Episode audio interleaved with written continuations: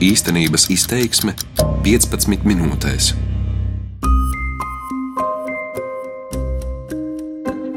Tikai viens no pašreiz valdībā esošajiem pieciem politiskajiem spēkiem, Partiju apvienība attīstībai par, savā īsajā priekšvēlēšana programmā paziņoja, ka gatavojas pašvaldību skaitu samazināt vismaz trīs reizes. Tagad pašvaldību reforma ir kļuvusi par vienu no Krišjāņa Kariņa valdības galvenajām prioritātēm, un to plāno realizēt triecienu tempā. Cik karstas varētu izvērsties diskusijas, un vai tiešām viss būs tik vienkārši? Šodien īstenības izteiksmē analizēšu es, Latvijas radio ziņu dienesta žurnāliste Aiga Pelene. Pašvaldību reformai ir vairāki slāņi, un tas šo procesu padara daudz sarežģītāku nekā pirmajā mirklī šķiet. Pašreizējā diskusijā akcents tiek likts uz pašvaldību skaita samazināšanu, par pamatu ņemot vērā konkrētā vietā dzīvojošo cilvēku daudzumu. Bet tā ir tikai aizberga redzamā daļa. Jaunās valdības deklarācijā ierakstīto darbu saraksts ir daudz pamatīgāks. Tāpēc arī gribētos, lai diskusijas jau tagad būtu ne tikai par pašvaldību lielumu un daudzumu, bet par daudz nopietnākām lietām. Piemēram, kādus pakalpojumus pašvaldībām ir jāsniedz un kā nodrošināt, lai tie visiem Latvijas iedzīvotājiem būtu vienlīdzi kvalitatīvi, neatkarīgi no vietas, kur šie cilvēki dzīvo. Un, protams, kas par to visu maksās un cik daudz. Bet par visu pēc kārtas. Tātad. Vēl pirms 13. saimnes vēlēšanām, vasaras beigās Latvijas radio partiju līderiem uzdeva jautājumu, vai būtu nepieciešama jauna pašvaldību reforma. To, ka pašvaldību skaits būtu jāsamazina vismaz trīs reizes, pirms vēlēšanām atklāti, ierakstot to savā īsajā priekšvēlēšana programmā, paziņoja tikai viens tagad pie varas esošais politiskais spēks - attīstībai par. Pārējie bija rezervētāki.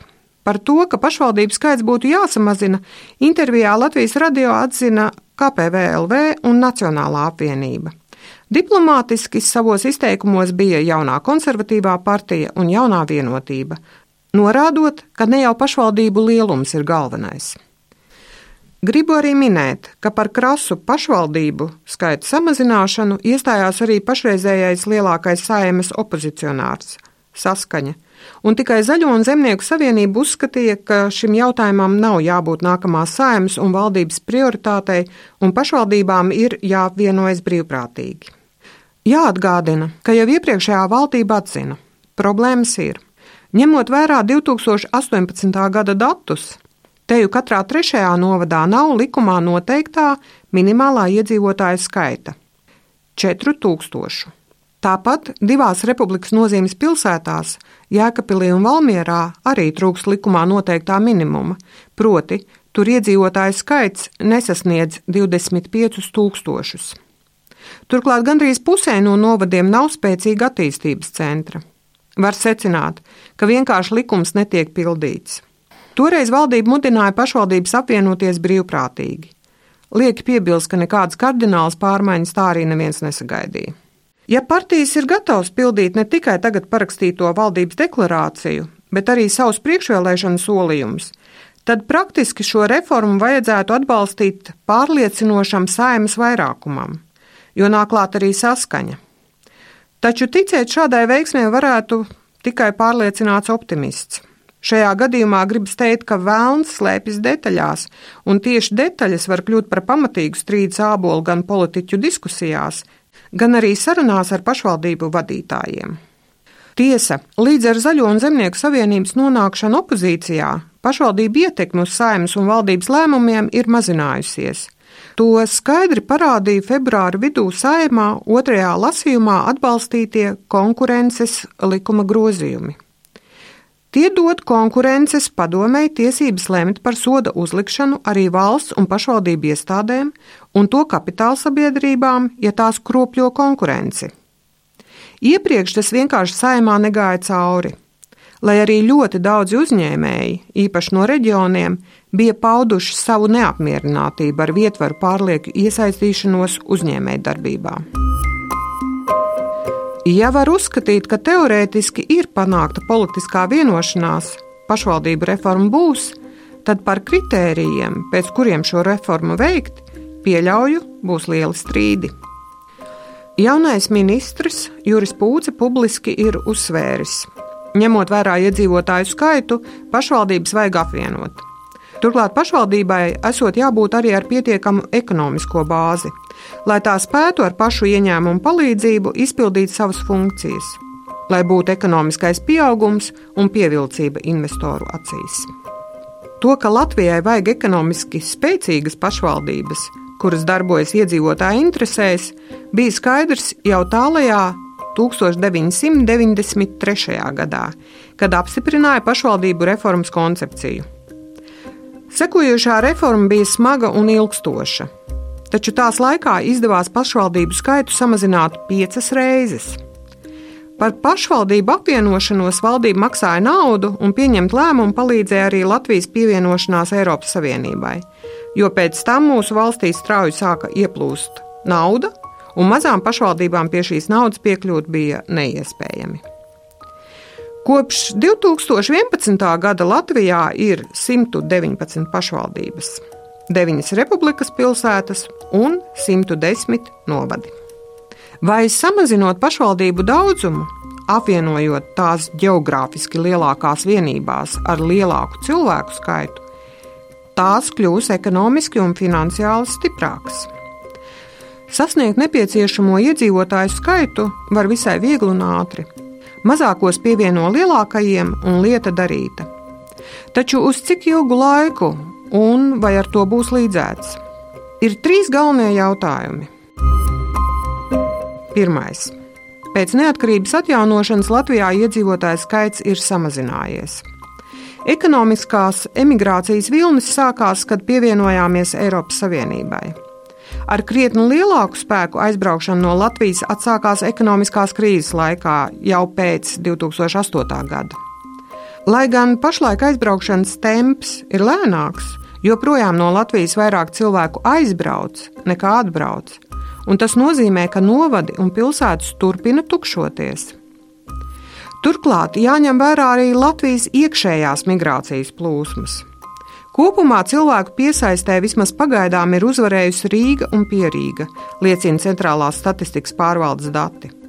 Galvaspilsētai pozitīvā bilance starpības starp iebraukušajiem un aizbraukušajiem pēdējo astoņu gadu laikā ir 13,000 iedzīvotāju, Pierīgai 6,5. Visi pārējie reģioni cilvēkus ir zaudējuši. Šie dati uzskatāmi apstiprina to, par ko runāts jau gadiem un kas nav nekāds noslēpums. Rīga un Pierīga ir viens milzīgs attīstības centrs. Turklāt Rīgai un Pierīgai cilvēku joprojām trūkst. To apliecina ļoti zemais bezdarba līmenis un visaugstākais vidējais atalgojums valstī. Tas nozīmē, ka cilvēku aizbraukšana no reģioniem uz galvaspilsētu turpināsies. Domāju, ka situācija var mainīties tikai tad, kad citi novadi spējas nodrošināt līdzvērtīgus, darba un dzīves apstākļus. Diemžēl daudziem tas tā var arī palikt neaizsniedzams sapnis. Otrais, ja paturpinām par cilvēku skaitu novados un saistību ar ekonomisko aktivitāti, tad ļoti vērtīgi ir nedaudz ciniski palūkoties uz šo likumā noteikto 4000 iedzīvotāju skaita robežu. Cik no tiem vispār ir darba spējīgā vecumā? Demogrāfiskā situācija Latvijā pasliktinās, un nekas neliecina, ka tā sāktu uzlaboties. Pat labam ekonomiski aktīvie iedzīvotāji koncentrējas Rīgā un Pierīgā. Savukārt vislielākais vecu cilvēku īpatsvars ir Latvijā, kur teju katrs ceturtais jau ir pensijā. Šī statistika nepārprotami parāda, ka mehāniska novadu apvienošana var arī nedot būtiskas ekonomiskās izmaiņas. Ja vien valsts nav gatava maksāt par to, ka cilvēki pārceļas uz reģioniem un dzīvo tur. Cerēt, ka uzņēmējs dosies uz vietu, kur nav cilvēku, kas strādā un tur investēs, ir naivi. To uzskatām parāda investoru koncentrēšanās vietas. Tās atkal ir Rīga un Pierīga. Trešais. Problēma nav tikai ar iedzīvotāju skaitu vien. Latvijā darbojas pašvaldību finanšu izlīdzināšanas fonds, kurā bagātākās Latvijas pašvaldības naudu iemaksā, savukārt nabadzīgākās no fonda naudu saņem. Diemžēl situācija ir šāda. No šī fonda šogad atbalstu saņems sešas Latvijas lielās pilsētas, un tikai trīs - Rīga, Jūrmala un Ventspils - ir finansiāli neatkarīgas. Tāpat no 110 novadiem tikai 9 ir finansiāli neatkarīgi, un tie visi ir pierīgā. Visiem pārējiem Latvijas novadiem ir nepieciešams papildu atbalsts. Vai apvienojot šos finansiāli atkarīgos novadus, tie pēkšņi varēs iztikt bez papildu naudas? Nedomāju gan. Kaut kādu ietaupījumu dos novada domas un pašvaldības darbinieku skaita samazināšana, bet vai tas būs tik nozīmīgs, lai jaunais novads sāktu dzīvot pārticībā? Šaubos.